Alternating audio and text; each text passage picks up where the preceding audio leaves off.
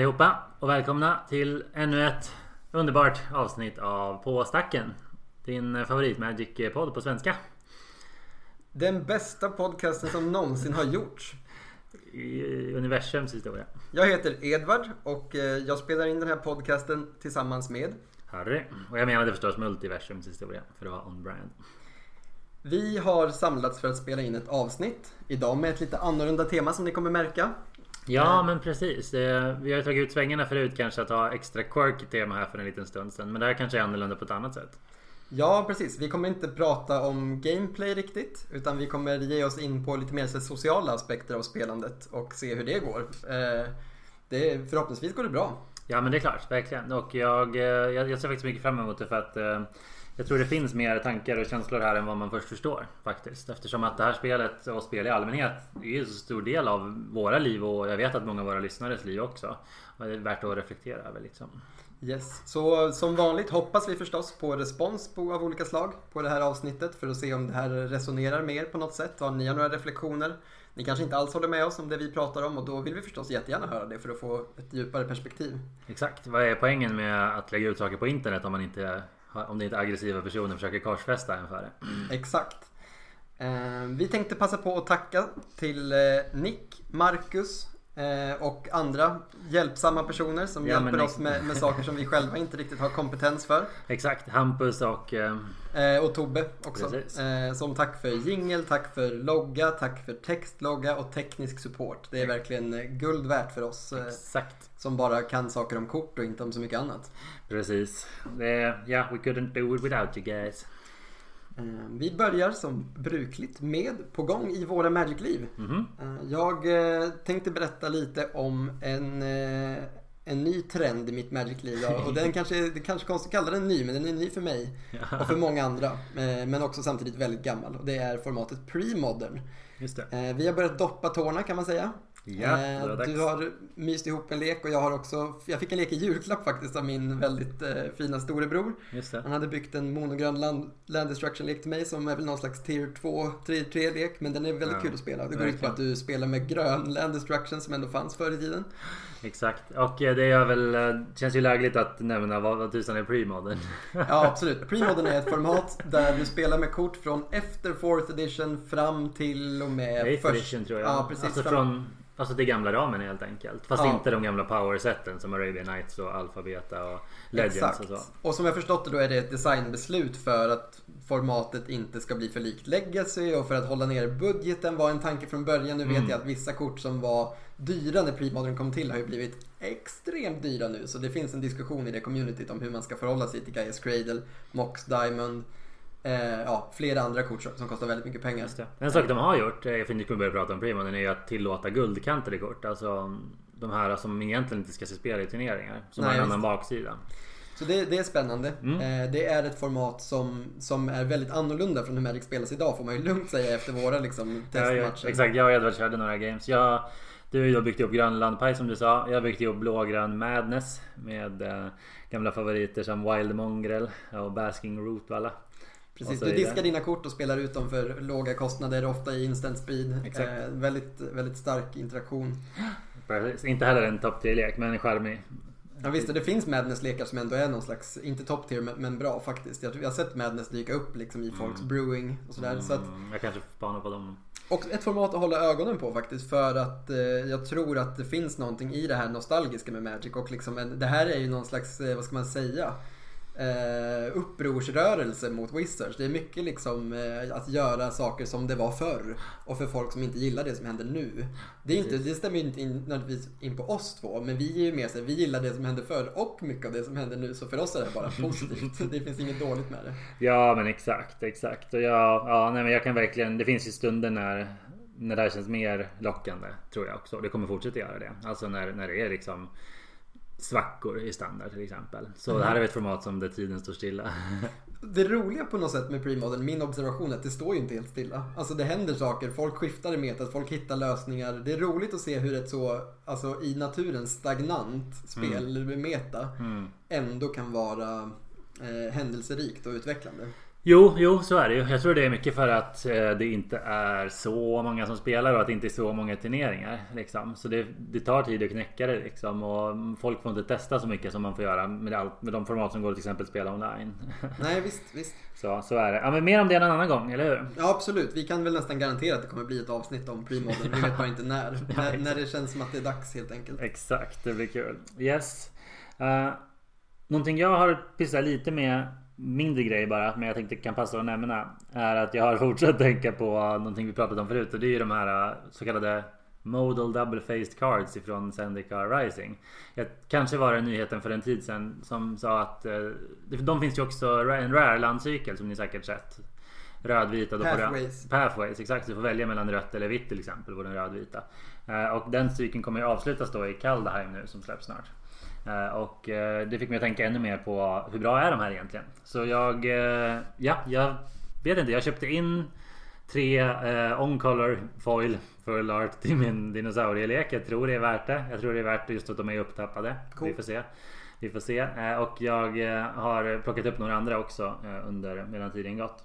Och apropå Model Double Faced Cards. Alla de här uncommonsen får inte tala om Mythic Landcykeln. De känns ju ruggigt starka. Framförallt kanske jag tänker Commander nu men också i andra format. Glassball Mimic är ett stort fan av. Den tror jag kommer gå in i... Men också den vita, Fortsätta, ja. den vita sweepern känns också rätt gjuten. För du vill spela sweepers i Commander. I Commander ja. Den dubblar ja. upp som ett land.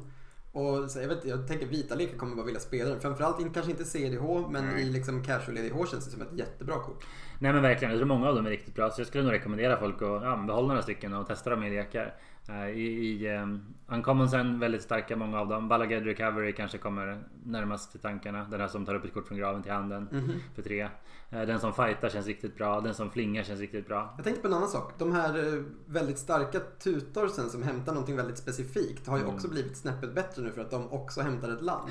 Alltså till ja. exempel Mystical Tutor kan nu hämta en sorcery och lägga på toppen och sen har du ett land fixat. Den blir ju liksom en liten mana fix också. Jag har inte tänkt på. Nej men exakt, det är jättemycket mycket flexibilitet. Mm. Verkligen. Jag tror att de kommer igen se spel i många format långt framåt. Kanske för alltid faktiskt. Ja, Om de inte gör något liknande igen. Som är ännu bättre. Nej. Eh, så ja, nej men eh, verkligen.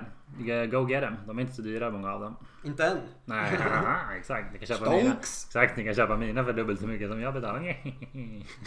um, så Avsnittets tema kommer vara eh, vikten av hobbys och gemenskap tänkte vi prata om. Just det, det låter som namnet på en föreläsning som Sverok håller kanske. Ja men precis. Eh, det kommer bli ett intressant avsnitt för er som vanligtvis lyssnar för så här quirky Magic-referenser. Det kommer förstås dyka upp också. Vi pratar ändå om Magic, det är Magic som är fokus.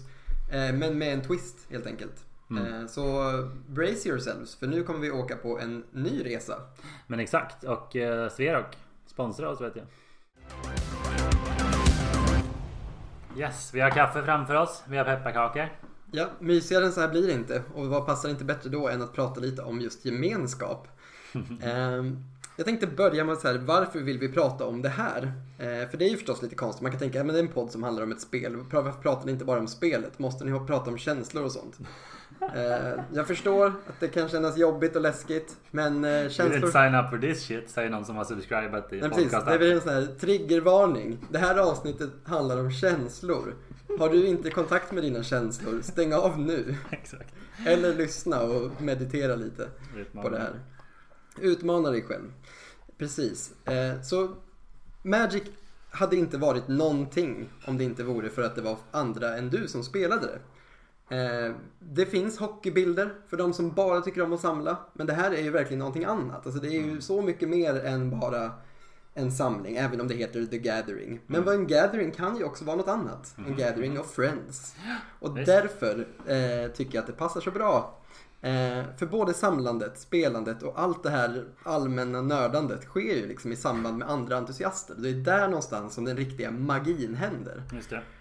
ja, men det, pun intended. Pun very much intended. För spelhobbyn då, om man ska bredda det lite, men i det här fallet då Magic, är ett utlopp för kreativitet och avslappning som jag tror är väldigt givande för oss som håller på med det. Alltså jag tror att det här är någonting som får en större effekt än vad man kanske tänker liksom när man tänker bara på det här. Jag kan sätta mig ner och spela lite, tänka på matcherna, tänka på releaserna.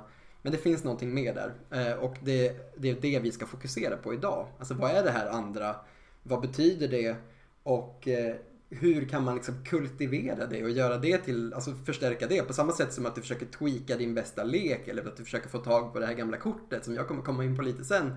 Så finns ju också den här aspekten av så här, men hur, eh, hur får jag det att ge mig mer i, andras aspekt, i andra aspekter? Hur förstår jag liksom hur viktigt det är för mig? Nej men exakt, jag tror i allmänhet att det kan vara vi, vi, vi, första, vårt allra, allra första avsnitt, pilotavsnittet, så pratade vi mycket om varför Magic är ett så bra spel. Eller hur? Mhm. Men Ja, Men- en av våra tio punkter är nog det här faktiskt. Ja, det skulle man nog kunna säga. Men, men, men precis, det, det, det är ett sätt att tolka det. En fördjupning i just den punkten. Och frågan om så här, men varför stannar man efter alla dessa år? Liksom? Det, det korta svaret är väl för att spelet är bra, som vi sa. Men, men det finns ju mer där. Absolut. Och jag tror verkligen om man, om man börjar pilla lite på ytan oavsett vilken Magic-spelare man är när man har kommit in i det. Så finns det någonting utöver. Alltså spelets kärna kommer, för många i alla fall tror jag, vara eh, de andra som spelar. Eh, intressant nog. Så vi kommer kanske gå in på en så här självklar startpunkt i det här. Mm. Vi utgår från oss själva. Mm. Och därför vill jag ställa frågan till dig och sen kommer jag besvara den själv också. Men vad betyder Magic för dig, Harry? Just det. Nej men eh, det är många saker skulle jag vilja säga. Det är ju som du säger, gemenskapen är ju verkligen en grej. Jag vet inte, det kanske passar egentligen att ta det här men Både du och jag har något gemensamt och det är att många av våra kompisar förr och idag, inte sällan samma kompisar, är ju direkt kopplade till spelet och det är ju du och jag också i någon mån. I stor mån. Alltså, alltså att vi Ja vi kan, väl, vi kan väl ta det där varför inte när vi ändå ska vara wholesome. Alltså jag började spela eh, i eh, grundskolan eh, tre. Så det blir väl i mellanstadiet kanske. Och det var inte första gången jag såg korten dock. Jag fick en Portal starter deck av min moster. Hon visste inte vad det var. Eh, hon bara satte på den några år innan. Eh, och sen när eh, när några, vi höll på med Pokémon i klassen som många andra. Det var ju hur stort som helst då. Det är fortfarande hur stort som helst. Och då, men, men plötsligt så kom någon storebrorsa och praktiskt taget sparkade in dörren till skolklassen. Och bara så här. Det är slut med det här tönteriet. Man ska spela Magic, inte Pokémon. Och alla bara okej. och så, så gjorde alla det helt enkelt. Eh, så det var, det var ett väldigt stapplande steg där. Flera klasskompisar, en som bara försökte för att typ få lite poäng eller något försökte lära mig reglerna och han hade absolut ingen aning. Han var en lite konstig kille. Så han bara hittade på allting. Du vet. Ja, Han bara var rakt upp och ner. Eh, Men sen när vi började närma oss de riktiga reglerna var ju fortfarande felen jättemånga. Det skulle man kunna ha ett helt avsnitt om. Eller hur va? Alltså sådana den, typen av, den typen av missar man gjorde i början och så vidare. Det var Visst. väldigt kontroversiellt också när folk började spela instant i svar på saker. Det tyckte vi inte om. nej visst, det blev ju öppnade upp en obehaglig dörr. Ja men exakt. Man bara så här, Men eh, jag, sl- jag slår dig, du dör. Bara, men jag destroyar den. Men jag har ju redan slagit. det var, Ja. ja. Och så vidare. Hur som helst. Men bo- redan, då- någonting är ju bekant. Alltså redan där och nu finns det ju en tydlig likhet. Och det är ju förstås att man spelar med sina kompisar. Det är ju verkligen det. Det är ett sätt att umgås, ett sätt- ett sätt att göra någonting. Det är någonting att samlas runt liksom. Eh, och jag har egentligen aldrig slutat sen dess. Och många av dem jag spelar med då lirar ju faktiskt fortfarande. Åtminstone de jag stötte på tidigt. För mig var ju Magic också en resa in i någon form av så här, man åldrades ju med det. Alltså som tonåring. Jag sprang på, först spelade man i klassen, började spela med några kompisar. Sen hörde man talas om föreningar. Sverok-föreningar som spelade.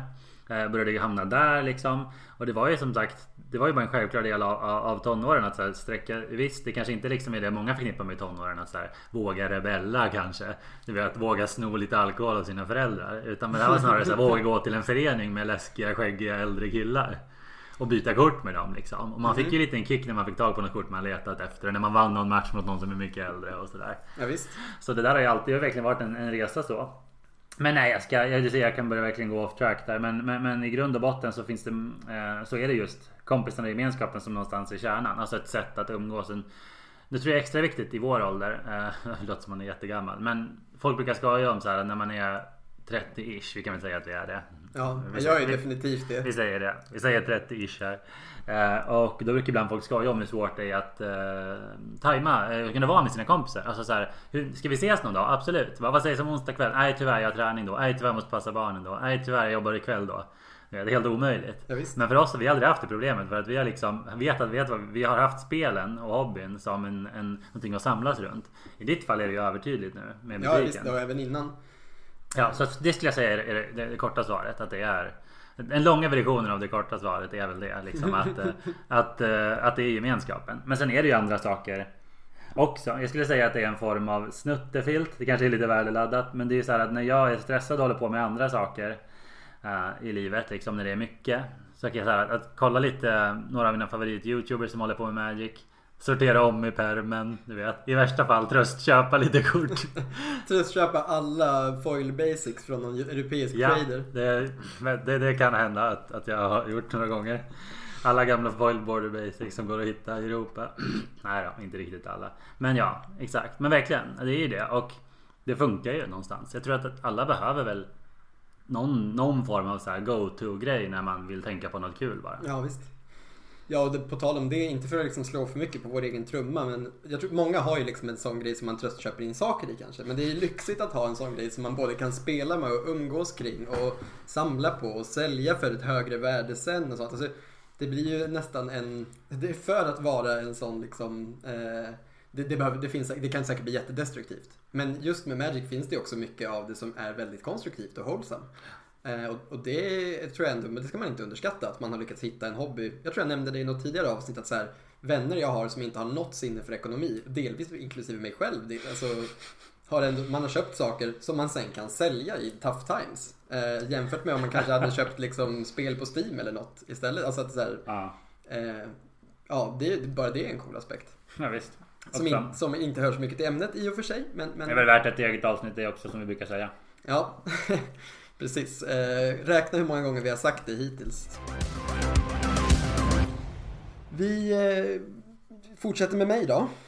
Eh, alltså ja, det, lite, det kommer förstås vara lite liknande här för vi har båda gemensamt att det här är en väldigt lång historia för oss. Men för mig så började det med att min bror behövde någon att spela med.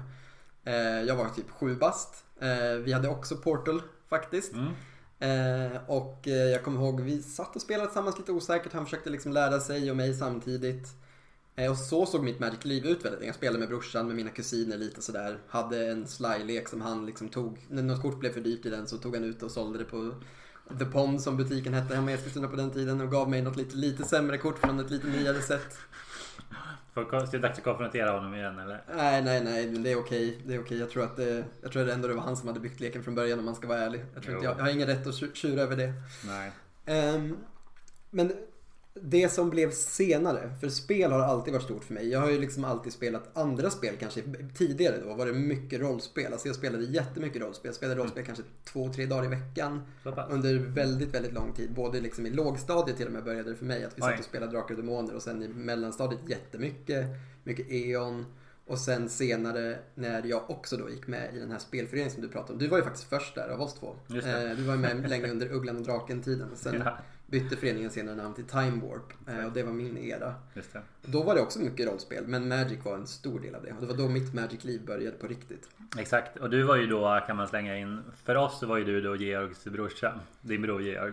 Ja och på den här tiden var jag någon slags punkare liksom som levde värsta liksom rocklivet och det här Magic-delen var ju liksom mest att man skulle när man var bakis försöka pressa sig själv till att göra något man tyckte var kul.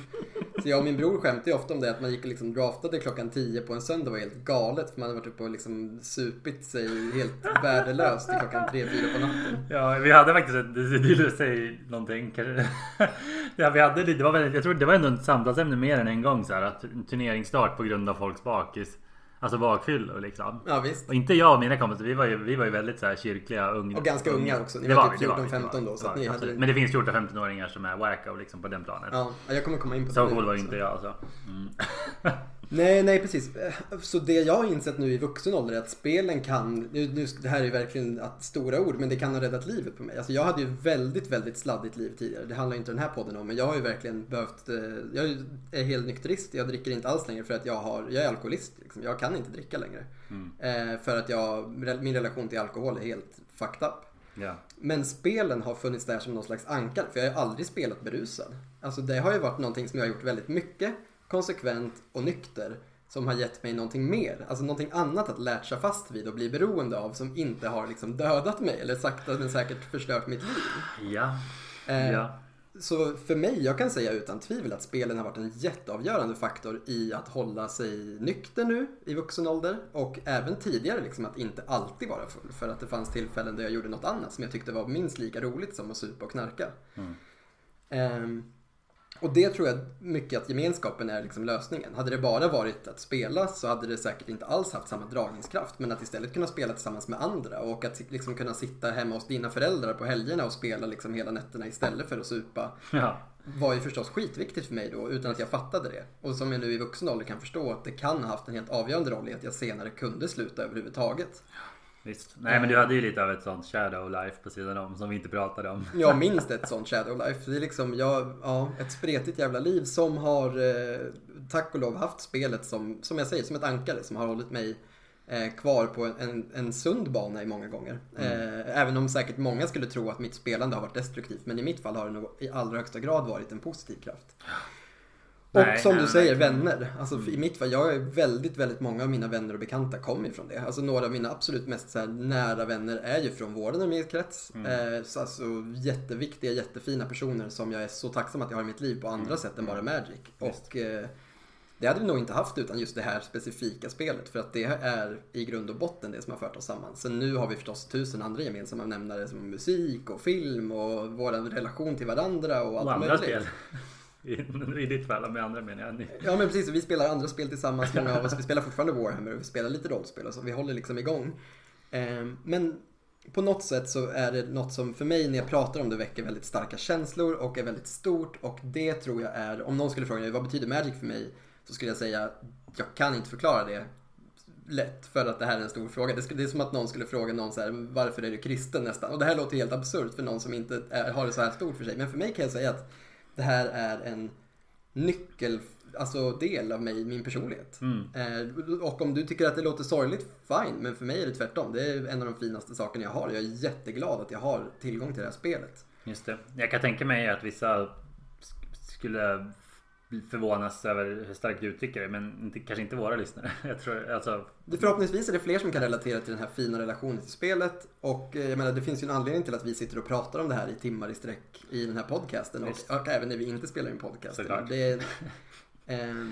Visst. Nej men wow, det är ju...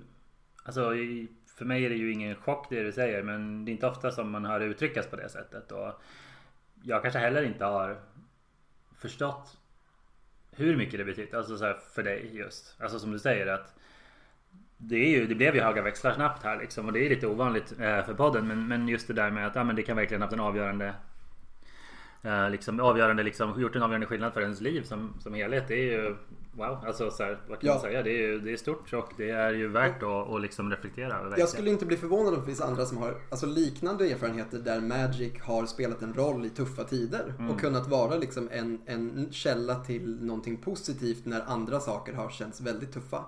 Och även om det inte alltid är, det är inte lösningen på alla problem på något sätt. Det är förmodligen lösningen på ganska få problem. Men det kan vara någonting väldigt givande. Och det är väl förhoppningsvis det vi kommer kunna sätta fingret på under det här avsnittet. Visst, visst. Och jag kan också haka på där lika bra. Att uh, jag uh, har inte liksom samma historia som du som jag sa. Snarare var ju när vi, när du gick igenom det här. Eller så här, de, de kanske mer allvarliga delarna av det här. Eller när det var som mest intensivt eller om man så vill. Så jag och många andra som vi förvisso fortfarande känner. Uh, hade väl kanske klart lugnare liv liksom. Vi var ju yngre också. Ja, visst. Men, men, men, absolut, vi hade ju... Alltså, ni, man skulle nästan säga att ni började ju spåra ur och festa samtidigt som jag blev nykter egentligen. Så vi har ju väldigt lite sådana fyll ja, ja. tillsammans. Verkligen. Det är jag glad för. Jo, en, ja. en annan bild av mig. Men... Ja, nej men faktiskt. Faktiskt, det kanske är bra i slutändan. Även om vi får, inte kan ta en öl-DH nu då. Det får vara alkoholfri öl-DH då. Ja, för min del i alla fall. Ja, exakt. Hur som helst. Eh, nej men så är det ju. Och men trots det så känner jag igen det här med vikten av att ha det som ett, en kontrast. Alltså mitt liv nu och de senaste åren har, har ju kanske inte varit crazy alls på det sätt du pratar. Men det har ju såklart varit händelserikt. Alltså man har haft ja, relationer, konstiga karriärhopp och byten och flyttar och liksom det har ändå hänt grejer liksom. Jag jobbar mycket i ideell sektor och ganska offentlig på vissa fronter och så här, det händer. Men du vet det är mycket att tänka på. Mycket liksom. drama helt enkelt. Ja, pff, ja visst. Lite. Li livets drama på något sätt. Ja men visst, visst. Det ska inte liksom Ja, nej men, men ja, jag antar att livet händer helt enkelt. Och, och, och, om, om jag skulle säga att mitt har varit dramatiskt eller inte, det vill jag... Nej, det vet jag inte. Men det har åtminstone varit händelserikt på vissa plan. Alltså det har varit snabba skiften och på liksom jobb och relationer och engagemang och allt vad det kan vara. Eh, och i det så har ju, som jag sa lite tidigare, så har ju Magic varit en tröst och det här kompisgänget har varit en tröst i den mån att det är någonting man kan komma tillbaks till. Där åtminstone det känns lite som att tiden står stilla. Den gör ju såklart inte det. Jag har ju också ofta bott i andra städer. Än, du har ju stannat i Eskilstuna, inte självklart hela tiden, men i många, i många mån. Oh ja. I läng, lång, längre perioder. Och för mig har det blivit lite så att när jag kommer hem till Eskilstuna känns det lite som att så här, komma tillbaks till barndomen på något sätt. Ja visst. Eh, faktiskt. Att här, jag kanske jobbar och liksom pular med mina grejer och stressar och funderar. Kanske där jag, nu bor jag i Stockholm, innan bodde jag i Norrköping och sådär. Och då när jag kom hem till Eskilstuna kändes det verkligen som så här. Ett, en plats att andas ut. Ja, en frizon, en sanctuary om man liksom.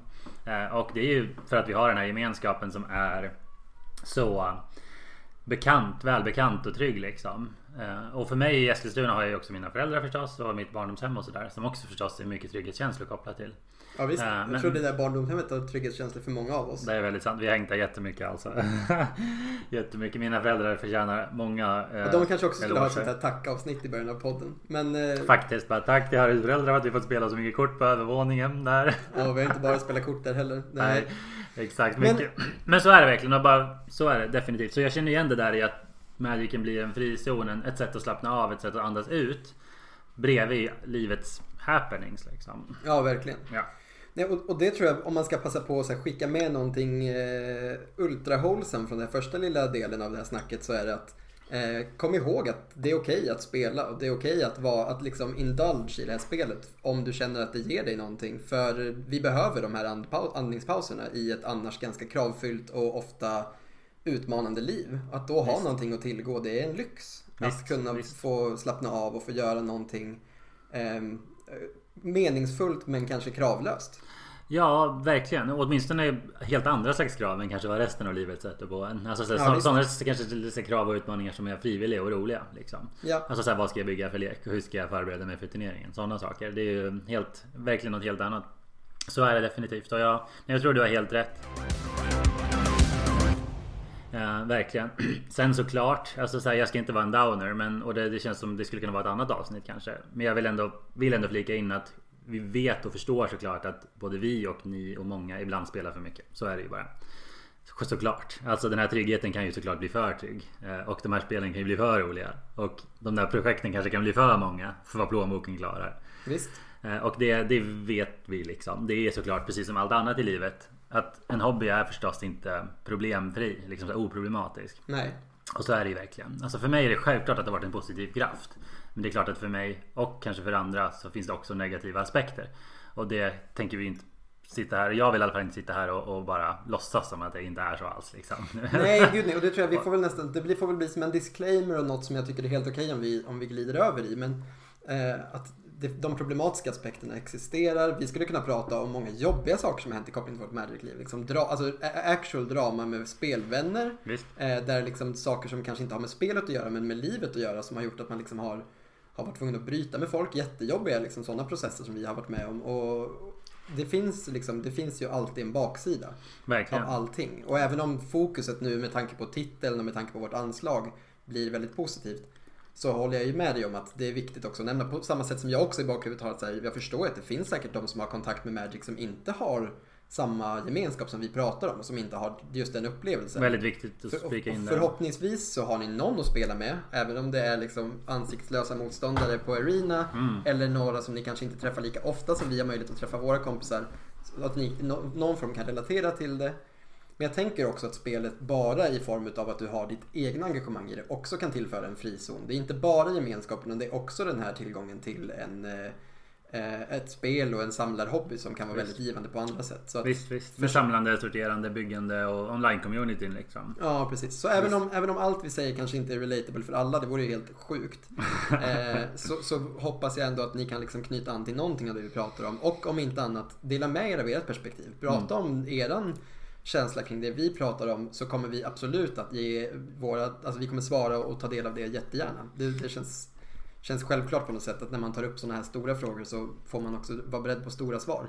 Nej men visst, visst. Nej men snyggt, eh, formulerat och, och igen det är ju eh, Det finns såklart mycket att säga och alla har ju verkligen så olika erfarenheter. Det, Ja, men också, vi skulle säkert kunna tala för oss själva till och med där och säga att jag har ju absolut gjort liksom ekonomiskt oförsvarbara köp i Magic som jag ångrar idag. ja, Eh, och haft jobbiga, liksom, alltså just på grund av att det finns mycket ekonomi i spelet, haft jobbiga upplevelser av det. Liksom, behövt sälja kort som jag inte alls har velat sälja för att betala hyran. ja. Eh, och fått ångra det bittert liksom. Och samma sak, alltså det, det finns aspekter av det som inte alltid är kul, helt klart. Visst, visst. Jag kan väl säga min, en- en aspekt jag tänker på som förstås med risk för att öppna för stora diskussioner och men kanske kan väcka tankar är att så här, jag tror att Jo, nej men jag, jag tror att ett sätt att Jag tror att det är väldigt många Att den här typen av sätt att umgås runt en hobby är väldigt van, mycket vanligare bland killar, snubbar liksom, grabbgäng. Många andra eh, grabbar och män kanske har fotboll som gemenskap. Visst? Eh, Andra kanske har eh, träning av något annat slag. Eh, Andra hobbys för den delen. Jag har precis börjat doppa tårna i, i fiskhobbyn. Jag ska köpa ett akvarium. Där kan man se att det är en jäkla massa män som är väldigt passionerade och pratar enbart om fisk och akvarier. Ja. Japp, så är det. Och det är ju underbart. Vi älskar ju det här. Både, ja, vi älskar både fiskar och vi, många av oss älskar fotboll liksom. Och, och för, i vårt fall Magic. Men jag tror att när vi lägger så mycket av vår sociala liksom, energi och så bygger våra sociala relationer på en hobby. Så öppnar det också upp ett vissa risker. Den ena är ju att om hobbyn försvinner, vad gör vi då? Visst? Alltså då tror jag att väldigt många bara inte har förmågan att knyta tillbaks till kompisarna. De här, om du inte spel, har spelet som knytningspunkt, vad gör vi då? Jag tror det gäller grabbar mer kanske för att vi pratar mindre om, om, om känslor och sociala relationer och så vidare. Generellt sett. Ja. Eh, och därför så blir det så här, när hobbyn försvinner så har vi inget och då kanske vi sitter ensamma. Och varför det nu skulle försvinna vet vi inte just nu men du fattar, man vet aldrig. Okej. Och det andra, ja, och det andra jag tänker är väl liksom att när man Ja, när man, när man umgås så mycket runt en hobby så kanske man inte riktigt lär känna varandra utöver den. Förstår du? Man pratar inte om så här, hur, hur är livet liksom. Det är sant, så det kan bli så som att typ, några av dina kanske viktigaste vänner vet inte om vad du går igenom parallellt med att ni sitter och spelar spel. Och du vill bli Exakt, ensam i de exakt. här trångmålen för att du är en del av en social miljö där man pratar om de häftiga nya korten. Du pratar inte om eh, att du blev av med jobbet i torsdags. Exakt så, exakt så. Och vissa kanske inte vågar nämna det för att de är så rädda att sänka stämningen. För att det är så, den här roliga hobbygemenskapen vi har. Den här, alltså så här, så jag känner verkligen det när jag kommer hem till butiken. Så här, liksom, att så här, ah, nu ska vi lira, snacka om senaste korten, trada lite, snart börjar turneringen, whoop whoop. När ska någon hinna säga så här, alltså shit min mormor dog, jag mår skit. Du vet. Och ingen vill göra det. Liksom. Och då finns det en risk att om man har all sin sociala gemenskap runt hobbyn så har man kanske inget annat socialt gemenskap där man kan få utlopp för det där andra viktiga. Som till exempel att ha någon att prata med om att mormor dog och så vidare. Och där tror jag om man ska vara lite djävulens advokat så får man nog säga att det kanske inte är hobbyns ansvar. Nej. Alltså det kan vara så att det, det är ett problem men jag vet inte om det är hobbyns problem eller om det här liksom är samhället så kanske framförallt den här, de som har, inte har det här miljöns problem. Och jag vet inte om det är upp till hobbyn att lösa det. Men det kanske är upp till oss som kompisar att Ja. fokusera på det här och tänka på den delen. Att jag vet kanske inte vad mina kompisar går igenom. Nej. Eh, dock måste jag erkänna att det här har blivit bättre med åren, i alla fall för vår del. Mm. Alltså nu har man ju mer koll på vad folk går igenom för att det till slut blir det uppenbart om någon har problem. Alltså när du är 20 kanske det går att komma undan med vissa typer av problem men med åren så kryper de fram Mm. och då blir det svårt att inte prata om det. Så vi har ju märkt av mer och mer vilka som kanske har mått dåligt eller ehm, inte tycker om en viss jargong i de här miljöerna man har haft och sådär och att det blir Visst, tydligt. Visst. Eh, Men du har helt rätt. Det är, det är en aspekt som, som hobbyn inte är bra på. Alltså att ta vara på andra grejer. Men jag, det återstår på något sätt för mig att då tänka, är det hobbyns ansvar? Det är en intressant fråga tycker jag. Visst, visst. Nej, det går inte att säga. Det är olika olika grupper tänker jag. Alltså vad man, är, vad man behöver och vad man är kapabel till. Och, och alla har ju som sagt olika ingångar i det. Alltså som jag sa, för, för vissa kanske det räcker perfekt. Vissa kanske har andra sammanhang där man får utlopp för det där jag pratar Ja, om. visst. Ja, för mig är det mycket så. Eh, Och därför så känner jag att jag är, funkar ju alldeles utmärkt att bara fokusera på spelet när man är där liksom. Ja, det hade ju varit så om det inte vore för att man har blivit så jävla nära vän med flera av de här personerna och bryr sig om mer än om vilken ny lek de har byggt i modden. Faktiskt. Visst, Så då blir det ju svårt att inte ta upp det. Men, men som sagt, det är, ja, det är en bra fråga. Och du kanske har rätt. Det är, ja, vi kanske får prata vidare om det någon annan gång. Faktiskt. Ja. Intressant, intressant ämne. Mm. Ehm, jag tänkte, Snabba, det är verkligen upp och ner här den här berg och dalbanan. ja visst. Höga högar och låga lågar eller vad säger man? Eh, Ja, precis. Ehm, jag tänkte, vi, vi kom lite innan det så kom vi in på en sak som jag tänkte ta upp. Och det är det här. högar, vem säger så? Du gör det, precis. Höga högar och låga lågar. I can talk svensk, verkligen. Eh, ja, vi började prata lite om det här att en av de positiva aspekterna är att det är någonting meningsfullt som inte är gravallvarligt. Just det. Eh, det kan ju förstås i stunden vara gravallvarligt. Så här, Varför kontrade du min spel? Motståndaren går av på sin tur. Mm. Eh, I en commander-match. Eller att, någon, eh, att du sitter och toppdäckar länder och att du verkligen bygger upp en så här, riktig frustration i dig själv och är irriterad. Men ditt liv är inte på spel. Nej. Din, eh, din hälsa är inte på spel. Dina sociala relationer är inte på spel. Visst. Du kommer kunna packa ihop dina kort och take loss och sen gå vidare. Och det är ju någonting ganska skönt i att spela. Alltså Verkligen. spel och lek har den positiva aspekten för oss som är casual-spelare i alla fall. Visst, visst. Att vi har väldigt lite att förlora på att spela. Exakt. Det är annorlunda om man spelar Yu-Gi-Oh! För att då är det ofta att man i vissa avsnitt så dör han ju om man förlorar och så.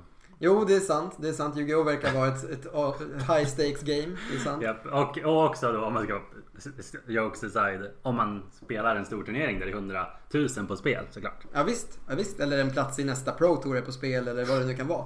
Då förstår man ju att det finns en annan investering. Men för, nu pratar vi inte om det utan nu pratar vi om den här casual experiencen. Mm. Eh, och det är, tror jag, en viktig aspekt i det. Just att det finns liksom du- lägger ju in en mening i det. Det blir meningsfullt. Du kan få känna någonting väldigt starkt och positivt eller negativt och få liksom ha ett, ett, eh, en upplevelse genom spelet. Men samtidigt, parallellt med det här, så blir det också inte så kritiskt när det går Mm. dåligt. Mm. Och det är ju otroligt skönt att ha sådana aspekter i sitt liv. Där du verkligen kan få vara investerad utan att kunna förlora så himla mycket. Och det Mm. tror jag är en jätteviktig faktor i varför spel och Magic kan vara en så skön sak att ha i sitt liv. Visst, verkligen. verkligen. Och framförallt om du kan ha den här bra, som du säger, den här bra kontrollen och kunna gå vidare. Jag kan ju säga så här bara för att vi, i vissa perioder, jag, jag spelar också ganska mycket tv-spel. Åtminstone förut. Jag spelade jättemycket på gymnasiet. Nu har man tyvärr inte så mycket tid längre. Eh, alltid. Men ja, det fanns perioder när jag spelade så här multiplayer online på Xbox. Så här Halo, Call of Duty och så här lite fightingspel och så. Och jag hade så jävla dåligt humör om det gick dåligt en dag. Och jag har fortfarande lite det problemet på Arena. Ni vet. Så Det är ju nu- tiltar hårt. Ja, alltså ja, jo, jo, jag antar det. Och jag försvarade med att så här, det finns de som är värre än jag, de som slår sönder saker. Det gör i alla fall inte jag. Men, men jag är på så här grinigt humör jättelänge efteråt. Jag vet. Och Ja. det, så, såklart, den aspekten finns ju igen. Nu blev det jag igen som tog in det negativa. Men, men, men det, det, det är också så här, nerd rage, vi vet hur det är. Alltså den grejen är en grej. Ja, men, men som du säger, att jag tror även de värsta nerd ragerna någonstans innerst inne vet att så här, de, de hittar ofta ett sätt att kontrollera det och gå tillbaks liksom. Ja, visst. Och, så här, ja, men, och, och skilja på, eh, på spel och verklighet. Och som, men i, i regel håller jag med dig. Det är inte för att liksom säga emot så. För att jag, jag håller med och det, det också ett bra sätt att sätta ord på lite saker som jag tror jag jagade efter tidigare i det här avsnittet just. Den där tryggheten och snuttefilten liksom. Det hänger ju Ja, visst. det du sa. Mm. Jo, men jag tror det. Jag tror att det är det som får oss komma tillbaka år efter år på något sätt. Att eh, vi behöver inte offra så mycket för att få vara här och vara med. Eh, och det är ju jäkla skönt alltså. There's always som- room at the table. Ja, men precis. Så fort vi inte, så, så länge vi inte är fler än fyra. Exakt. Så finns det alltid plats vid bordet. Exakt. There's always room for another. Except for you, we're four, sorry. Eller man draftar. Är vi åtta? Gå hem. Ja. Get out of. Du var, väl inte så sugen, du var väl inte så sugen egentligen? Så Du har inte råd egentligen. Men sen när man är sju, du har råd, kom igen. Det finns alltid en plats vid bordet. Ja, det är fint. Nej men, jag tror också, för att glida in i ett annat sak, vi har redan touchat vid det här också, men just det här med att gemenskapen kan vara så jäkla kravlös. Du tog ju nästan upp det som ett problem. Och jag håller med om att det kan vara ett problem, men det är ju också en av styrkorna. Alltså att Ja, ja, för ja. många av oss, Visst, fram, visst. och inte minst för nördar, alltså finns det många sammanhang där kan, man kan känna sig utanför, man kan känna sig som att man inte passar in.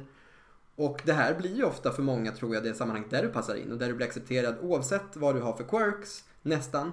Och jag menar att det finns en väldigt så här, okej, du får lära dig spelet. Spelet är din nyckel till att kunna vara med. Ja. Eh, Du behöver inte vara ett socialt geni.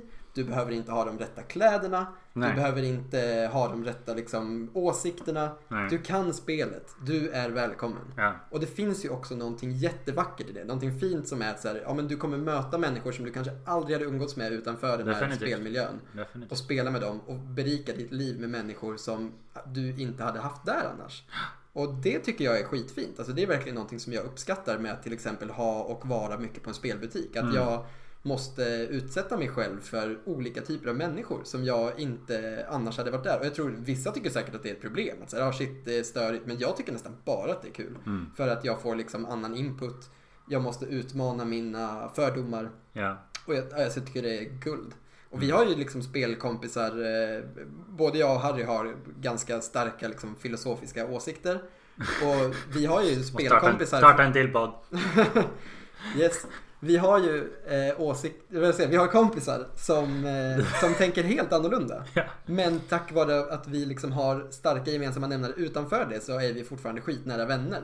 Där jag skulle kunna säga att många av mina andra eh, kompisar aldrig skulle umgås med folk som har så liksom annan verklighetsuppfattning. Men för oss, det. det är inget man ifrågasätter. Jag älskar ju flera av de här människorna liksom djupt. Verkligen. Och det finns ju gott om folk som har samma ideologi som en själv men som man, mycket, man är mycket mindre sugen på att umgås med än de här på spelbutiken. Ja, inte bara på spel, alltså som de här kompisarna som vi träffas med hemma hos dina Ja, ja, föräldrar. ja, liksom, ja, ja, men jag- liksom jag menar det. Jävla det. guldkorn som jag bara, som jag, som jag älskar liksom. Eh, och som, Ja, det som var- har gett mig så himla mycket. Verkligen. Jag vet inte om vi har haft något segment i podden som så många lyssnare nu tänker Är det där? Är det, är det, är det, Är det jag? är Är det, jag? Exakt, är det mig de pratar om? Både negativt och positivt kanske. Om det inte är du så kan det bli du.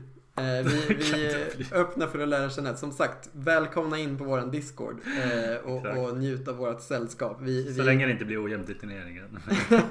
som sagt. Ingen gillar baj. Ja, Eh, kul, kul. Ja, precis. Eh, och jag tror det här uppenbarligen, det här går, det är ett stort ämne. Vi skulle kunna prata om det här i, i säkert en timme till och det är inte så vårt format ser ut. Så vi kommer liksom börja runda av här någonstans. Eh, men jag vill ändå säga, från min, min avslutande eh, kommentar innan vi går vidare in i liksom sista delen av temat. Mm. Är att eh, Magic är viktigt för mig. Alltså det är verkligen viktigt. Alltså jag vill pusha den, den linjen att det är mer än ett spel. Och anledningen till att jag har en podd om det här är ju inte bara för att jag tycker så mycket om spelet utan för allt det här som vi har pratat om idag. Att det ger mig så himla mycket och jag hoppas att jag ska kunna inspirera andra till att få mer ut av sitt Magic-spelande. Och att se liksom hur mycket det ger till en eh, och kan ge till en. Och jag hoppas att ni eh, tar, tar chansen som sagt och ansluter er till exempel till våran Discord om det är så att ni inte har, eh, har den här gemenskapen, för gemenskapen finns. Eh, Verkligen. och, och just nu finns den extra tillgänglig på distans också. Och finns det en spelbutik i närheten av er så är jag ganska säker på att det finns spår av det här som vi pratar om där också. Det tror jag verkligen. Ja men snyggt, eh, fint eh, avrundat där. Ja. Och, och på tal om stor gemenskap då så tänkte vi liksom nämna en, en fysisk aspekt av det här. Eh, som är större event. Alltså på något sätt eh, klimaxet i de här, eh, the magic-hängandet. Just det. Och det här kanske är svårt att förstå för många av era nya lyssnare men det fanns en tid när man fick anordna större event där folk träffas liksom. Fler än åtta personer. Ja fysiskt så. Ibland flera hundra. Ofta Ja, visst. flera hundra i de här fallen. Flera tusen till och med. I, I de största fallen absolut. Eh, Så jag tänkte vi skulle nämna några så större event som positiva exempel på när vi verkligen fått uppleva liksom Magic-gemenskapens eh, toppar på något sätt. Rolls Roycen av Magic eh, gemenskap. Och då för oss, eftersom vi inte är bra nog för att få spela på Pro-touren som säkert har den mest maxade gemenskapen, så, Eller fiendeskapen. eller fiendeskapen, så kan vi istället kanske nämna något som vi har fått vara med på, nämligen det som tidigare hette Grand Prix och nu Mm. heter Magic Fest. Japp, japp. Eh, tidigare arrangerades det av Wizards of the Coast, idag arrangeras det av eh, Channel Fireball. Arrangerades. Vi får väl se sen när pandemin lägger sig hur det blir. Just det, Eh, just det. Så det måste man tyvärr säga. Vi hoppas, jag hoppas för alla fibrer i min kropp att det inte, att, att det kommer tillbaks så. Alltså vi vet ju inte liksom. Nej, att det blir stora, stora Grand Prix som Magic Fest igen någon gång. Förhoppningsvis redan nästa år. Kanske. Men, Men tills helt dess- ärligt så vet vi inte. tills dess får vi fista på våra gamla erfarenheter. Ja, Eh, minnena har vi med oss. Och jag tänkte börja nämna den senaste jag var på, nämligen Grand Prix som var i Stockholm för ett par år sedan. Mm. Eh, det var en modern main event. Det brukar alltid vara så att det är, det är något som kallas för ett main event som är en stor turnering som pågår under hela Grand Prix. Ja. Eller Magic-festen. Och sen så eh, har du en uppsjö av side events för de som antingen inte ens var med i huvudeventet Eller för de som åker ut liksom under de första dagarna. Japp, exakt. Och där kan du spela Magic i princip i alla former. Alltså dels finns det ju bord som bara är lediga så du kan spela vad du vill. Du kan också köpa en plats i drafter förstås. Du kan spela Chaos Draft. Du kan rippa en låda och spela Two the Giant med någon polare. Japp. Och det är någonting utöver det vanliga får man ändå säga. Ja. För just för att du kan bara gå runt och spela, spela, spela, spela, spela. Visst. Ändlös ström av nya motståndare på något sätt. Exakt, exakt. Det är verkligen som en mässa eller en festival. Liksom. Och det är ofta sådana lokaler de hyr också. Ja, Stockholmsmässan till exempel, som är det du tog upp. exakt. Eller när man är i Göteborg så var det på, vad heter det? Eh, ja, mässan i Göteborg heter det Ja, nu bara. mitt emot Liseberg va? Ja, precis. Ja. Eh, maxade lokaler, eh, maxade event. Stora traders som är Yes. där om du vill få tag på kort som du Internationella, efter och vill, vill bränna orimligt mycket pengar på det. Internationella butiker som har sig hela samlingen framför dig. Så är det. Nej Ja. men verkligen. Det är, eh, jag har också haft väldigt kul på, på GPS då som jag fortfarande säger. Jag, eh, ja, men jag skulle säga att det, är det påminner lite om. Jag gillar livemusik också så jag har varit på, på, på festivaler. Det vet jag du varit speciellt tidigare också. Men för mig så finns det en klar likhet faktiskt mellan GPS då och festival. Alltså det är så här att under några dagar så kan du men två, i, i GPs fall kanske två dagar plus någonting.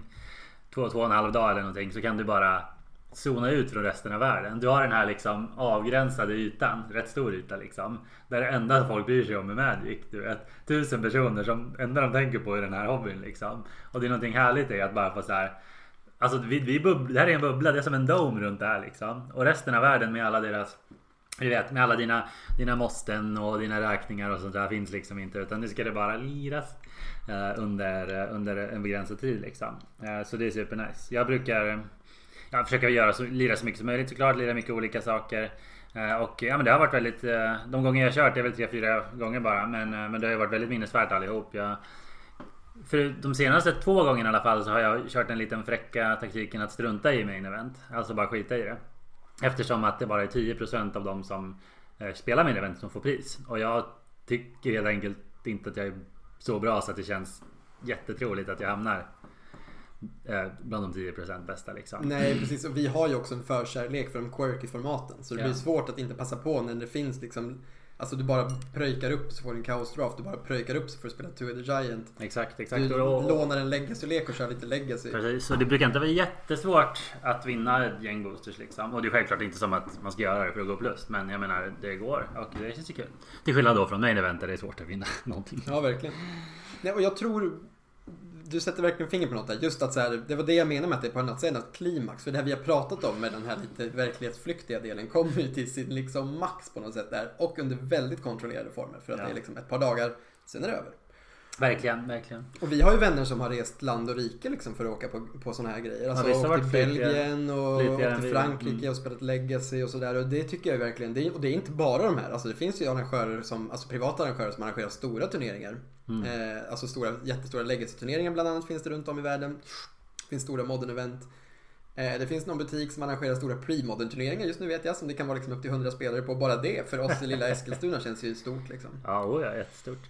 Ja men verkligen. Jag, jag, jag skulle, något, något mer jag vill flika in om, om stora events är att det är också någonting det finns, här, det finns en viss subgenre av så här familje Hollywoodfilmer. Typ så här, lite det här Karate Kid aktigt. Alltså så här att du har en, ett kid som blir bättre och tränar och sen går ut i den stora världen. Så finns det alltid en scen när de går in på den stora turneringen och bara Wow, här är alla de bästa. Du vet. Förstår? Ba- Battle manga-grejen liksom. Ja men exakt, exakt. Men precis. I, som när de kommer till turneringen i Dragon Ball i början. Alltså Goku har aldrig typ träffat folk förut. Och sen så kommer han till Martial Arts Tournament och bara wow så mycket folk. Alla är så starka. Och så ser man så här lustiga typer av alla färger och former liksom. Och, Ja, visst. Och exakt så känns det för mig när jag kommer in på GP-lokalen du vet. Det är den här du vet, känslan av att du vet, det är så jävla löjligt stort och högt i tak. Så man bara så här, Man känner verkligen som att man är med i en sån eh, du vet, shonen manga eller en, en vad heter det, ja men en, en Hollywood familjefilm liksom. Du har alla arketyper där. Du har biffnörden, du har eh, personen som aldrig har spelat förut, du har källarnörden, du har proffsen, du har liksom alla de här som... som Exakt. Och alla, några faktiska kä- kändisar liksom inom Ja, ja, citationstecken. oftast är det ju några som orkar ta sig dit liksom för, Ja, men att, för exakt. att försöka fiska hem en lätt GP-vinst. Och framförallt så har du många asscracks. Ja, det är kanske något man behöver ta upp, men det tycker jag inte. Nej då, nej då. Ni, vi lämnar den där. De, ni som vet vet. Eh, Ja. Så är det. Ja men eller hur? va? Det är lite så. Alltså, det är riktigt.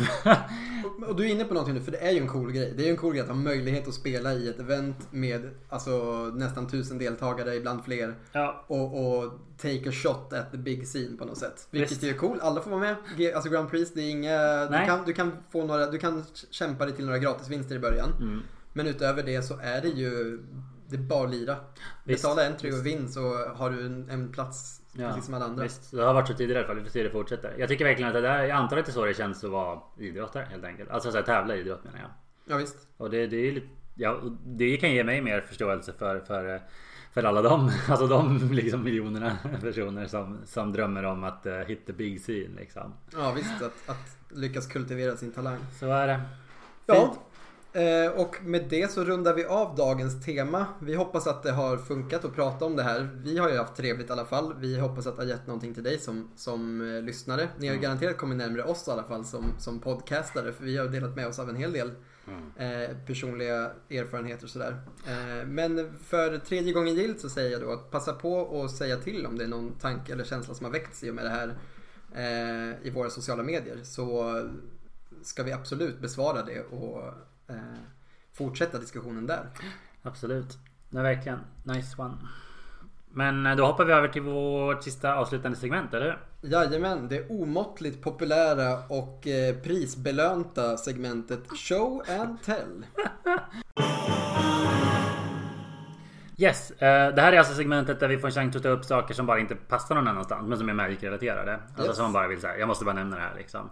Eh, Och jag tänkte eh, nämna något som ofta tänker jag är på många läppar och det är ju Secret Lairs. Eh, Wizards har inga planer på att sluta med den här produktlinjen, eller vad man ska säga. Hatad men ack så köpt. Ja precis, och ibland älskad kanske. Men, men ja, efter Wizards avslöjade för en tid sedan eh, lite statistik och tankar om framtiden för Secret Lair. Där de bland annat sa att allas mm, favorit Walking Dead-varianten sålde tyvärr, tyvärr säger jag, tur för dem, jättebra.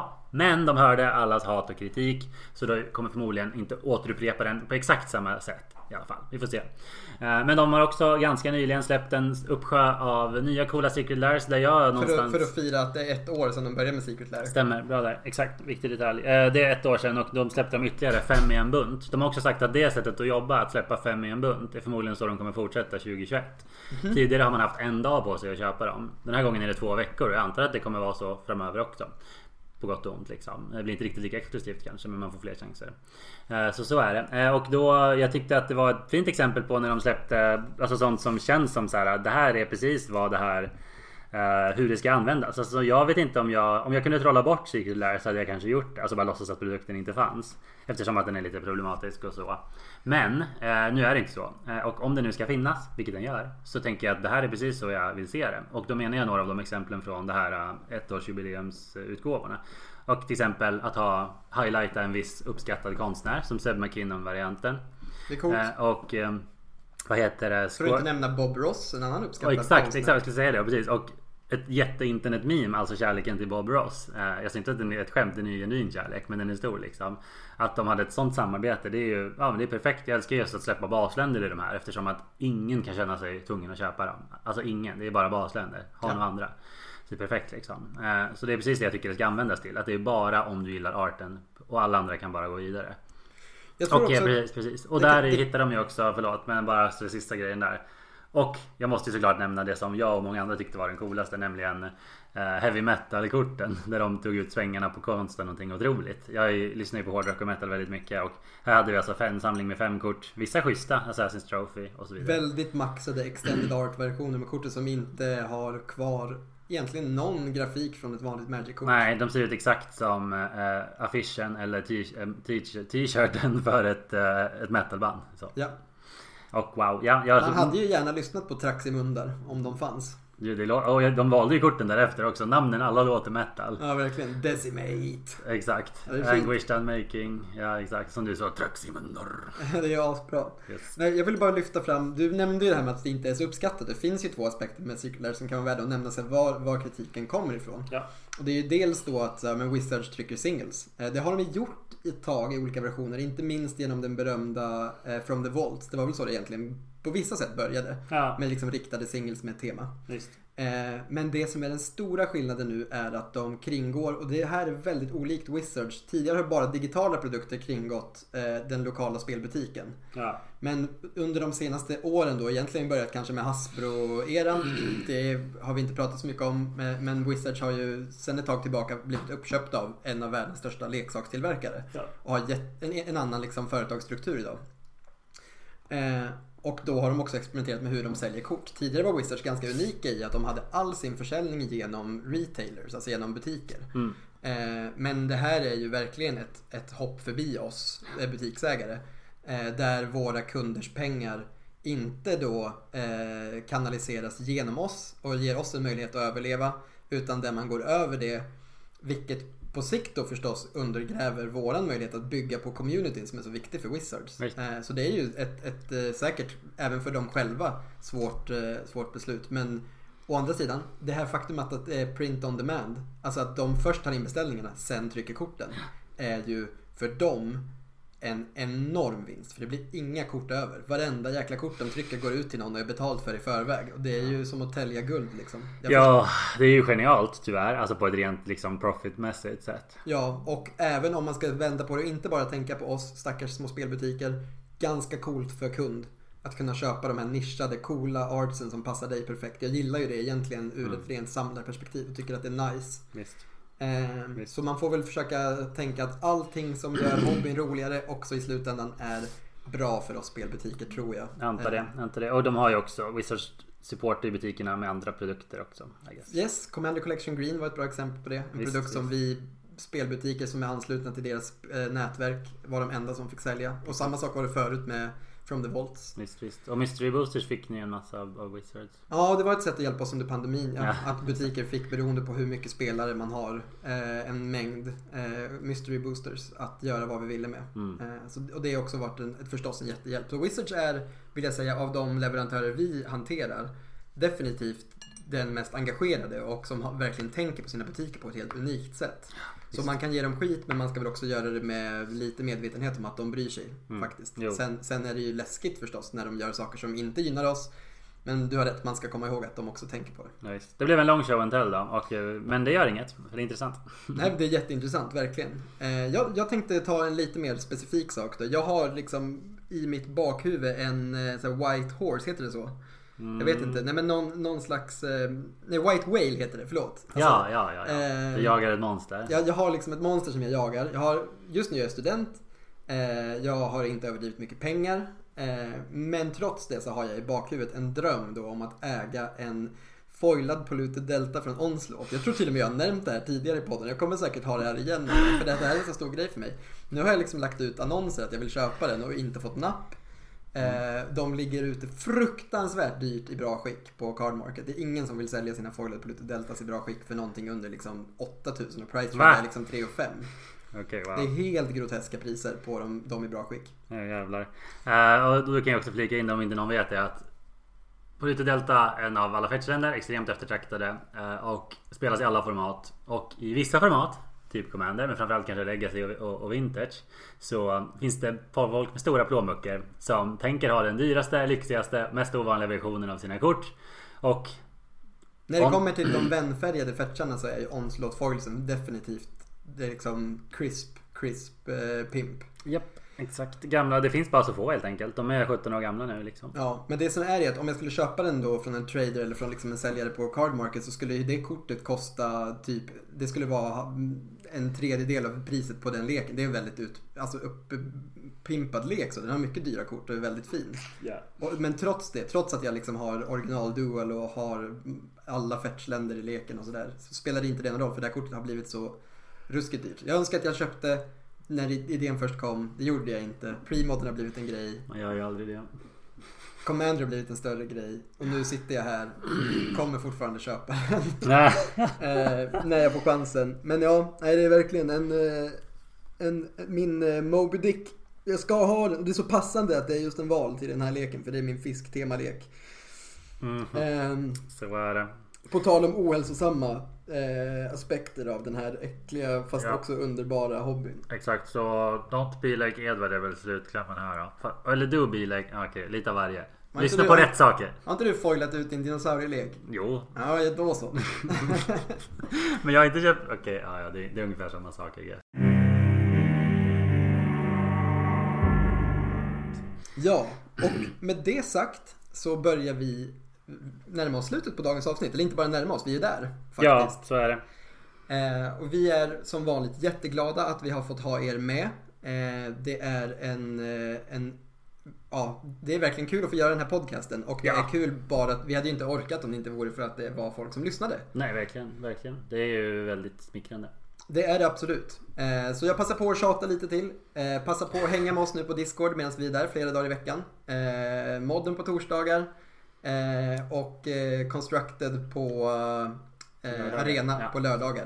Eh, kolla in Spelfaktoriets Discord. Vi länkar den via våran Facebook. Exakt. Eh, Det, så- här är våran variant av att säga like, subscribe. Ja, precis. Men jag tänker nu i dessa pandemitider så passar vi på att hetsa folk att komma och spela med oss istället. Ja, det är Eh, trevligt.